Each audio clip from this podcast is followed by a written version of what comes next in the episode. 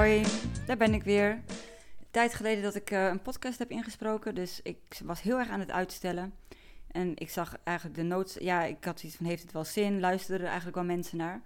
Maar dat is eigenlijk, ja, op een gegeven moment dacht ik, en nu is het gewoon klaar met dat gedenk. Dus ik ga weer beginnen. Ik ga proberen de podcast allemaal wat korter te maken. Ik denk dat heel veel mensen ook weinig tijd hebben. En ik heb vaak zelf dat ik denk, het moet lang zijn, het moet heel goed zijn, het moet heel ingewikkeld zijn. Maar eigenlijk moet ik iedere keer gewoon terug naar een podcast van 10 minuten is ook goed. Um, verschillende onderwerpen, blokjes van 10 minuten. Daarmee is het voor de ander behapbaar om te luisteren en voor mezelf ook om in te spreken. Dus dat is nu een beetje mijn doel. Dit keer wil ik het hebben over de kinderen- en vaccinatiebeleid. Ik wil beginnen met een gedicht wat ik heb geschreven op 8 juli 2021. Het is vandaag 27 juli, dus het is echt alweer een tijd geleden. En ik wil dit wel even delen, dus ik ga nu het gedicht voorlezen. Vaccineren van een kind. Ik zal zeggen wat ik daarvan vind. Ouders buitenspel. Veel gezinnen, gezinnen in de knel. Vanaf 12 jaar is de keuze van het kind doorslaggevend. Is dat voor jou logisch en rustgevend? Korte termijn geluk staat voorop bij kinderen en jeugd. Daarom vind ik dan ook dat deze manier absoluut niet deugt. Een kind of jongere reageert vooral impulsief. Is hun een keuze geven dan niet zeer schadelijk en naïef? Een keuze tussen een verplichte PCR-test of hoppa een injectie voor een feest. Dat stoort me echt het allermeest. Lokken met vrijheid. Waar blijft dan eerlijke ruimte voor een andere waarheid? De groepsdruk bij deze groep kan veel bepalen, dus laat een kind zich makkelijk overhalen. Impulsief en korte termijn, een brein gericht op leuk en fijn.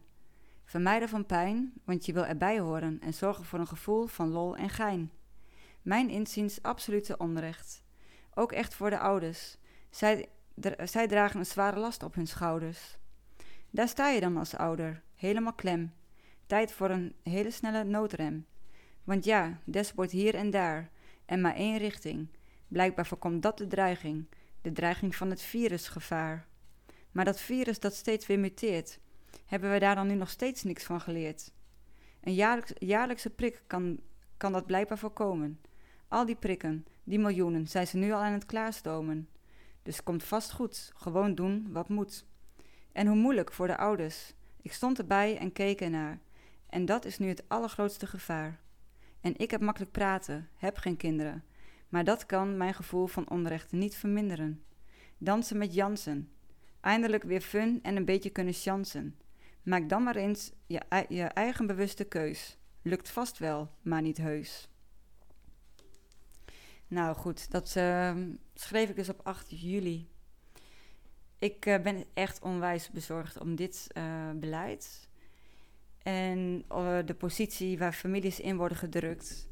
Ouders die ineens voor een, ja, voor een onmogelijke keus staan. En daarnaast ouders die buitenspel worden gezet. Kinderen die vanaf 12 jaar zelf mogen kiezen.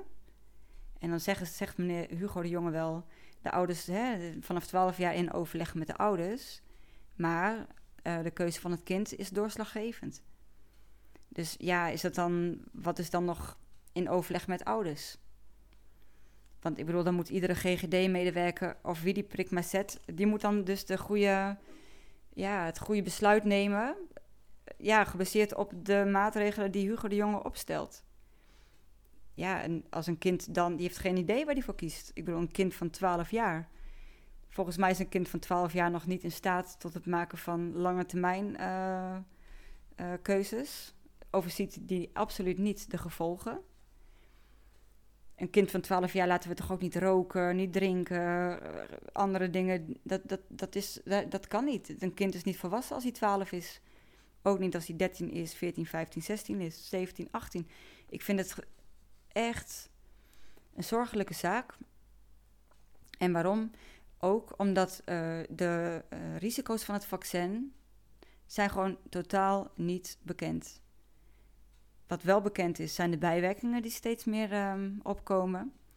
Die ook vooral voor jonge kinderen heel heftig kunnen zijn.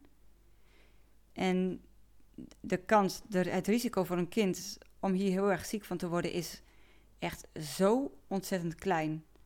En de risico's van zo'n vaccin zijn zo enorm onbekend. En nu wordt al zichtbaar dat ze enorm groot zijn. Ook al horen we dat niet op het normale journaal. Ze zijn er. Hè, dan hebben we het over de ontsteking aan het hartzakje. Uh, nou ja, er zijn tig van uh, risico's die, ja, hè, ontregelde hormoon, uh, hormoonhuishouding bij meisjes. En dat is allemaal korte termijn. Ik vind het ontzettend um, heftig. Omdat het is voor die kinderen heftig, voor de scholen. Want ze willen dus ook op de scholen allemaal prik, gedoe, priklocaties maken. Iedereen wordt indirect gedwongen tot zo'n prik. Terwijl in eerste instantie dat was absoluut niet waar en dat zouden ze nooit doen. Maar het gaat steeds meer die kant op. En nogmaals, ik, ik blijf benoemen, maar dit is een, een vaccin, ik noem het een prik, die uh, in de testfase zit. Tot 2023. Ik neem even een slokje drinken. En ondertussen komt mijn hond binnenlopen. Hé, jongen. Nou, en dat is echt iets waarvan ik denk, volgens mij staan heel veel ouders... Oh, nee, we gaan niet piepen. Niet doen. Kom maar. Heel veel ouders met uh, de rug tegen de muur. De ene ouder die gelooft heel erg wel in de prik en de ander die vindt het verschrikkelijk eng. Die denkt juist heel erg van ja, wat doe, ga ik mijn kind aandoen? En dan moet je daar dus samen uit zien te komen met jouw kind. En ja, kinderen die verlangen natuurlijk enorm naar vrijheid. Die denken, nou ja, doe, doe maar die prik, want dan kan ik tenminste weer wat. Uh, nou, dat hele gedoe, hoe dat is gegaan met uh, dansen met Jansen en nu Jansen met Jansen. Dat vind ik, ja, ik, ik, ik vind het echt schokkend. Want dan is het van, je komt je prik halen, één dag later mag je uit. Dus heel korte termijn geluk wordt op ingespeeld. Dus die jongeren die gaan massaal die prik halen en vervolgens gaan ze allemaal uit in een niet geventileerde ruimte. Allemaal, weet je, ineens zijn alle coronamaatregelen worden gewoon even overboord gegooid, zodat de jeugd maar hun prik haalt. En vervolgens wordt, de jeugd massaal nogal ziek van die prik. Nou, dan denk ik, wat voor risico wil je op je hals nemen als je dan minister van Volksgezondheid bent? Nou, dus ik vind dat echt uh, een enorme zorgelijke ontwikkeling. En ik hoop heel erg dat heel veel ouders hier echt ook ja, denken van hier ligt de grens. Dit gaan we niet doen. En laat staan straks op scholen hè, prikbussen neerzetten. Ik mag echt hopen dat leraren en iedereen die in het onderwijs werkt, of in de jeugdzorg, of op wat voor manier dan ook met kinderen te maken heeft, dat die de kinderen in bescherming gaat nemen. Want ik vind nu echt dat het wordt zo omgedraaid. Kinderen en de jeugd worden verantwoordelijk gemaakt voor de ouderen. Maar die kunnen helemaal geen verantwoordelijkheid dragen. Plus daarnaast, het klopt niet. Het klopt gewoon, er klopt helemaal geen klap meer van. En nu is het dan met Jansen, nou zijn ze geprikt en oh oeps, alles toch maar weer dicht. Dan denk ik, wat, hoe, hoe, hoe bedrogen kan je je voelen? En sowieso voor alle mensen die gevaccineerd zijn. Hè, dat is dan nou, twee keer vaccin en, en alles is weer goed. Maar dat, ja, dan is dat niet zo. Dus dan denk ik, hoe ver uh, willen mensen gaan? Nou goed, ik um, heb echt besloten dat ik de podcast maximaal 10 minuten wil maken. Dus ik hou het hierbij. En ik hoop dat jij als ouder, tante, familielid, wie ook bent, maakt me niet uit. Maar dat je in ieder geval echt gaat nadenken, misschien eens gaat onderzoeken. Wat is het voor vaccin? Uh, wat zijn mogelijk de bijwerkingen? Korte termijn, lange termijn. En ja, probeer op te staan. Op te staan en te zorgen voor de mensen om je heen en voor de kinderen om je heen. Dus nou, ik rond deze af en ik ga zo meteen de volgende opnemen. Ontzettend bedankt uh, voor het luisteren.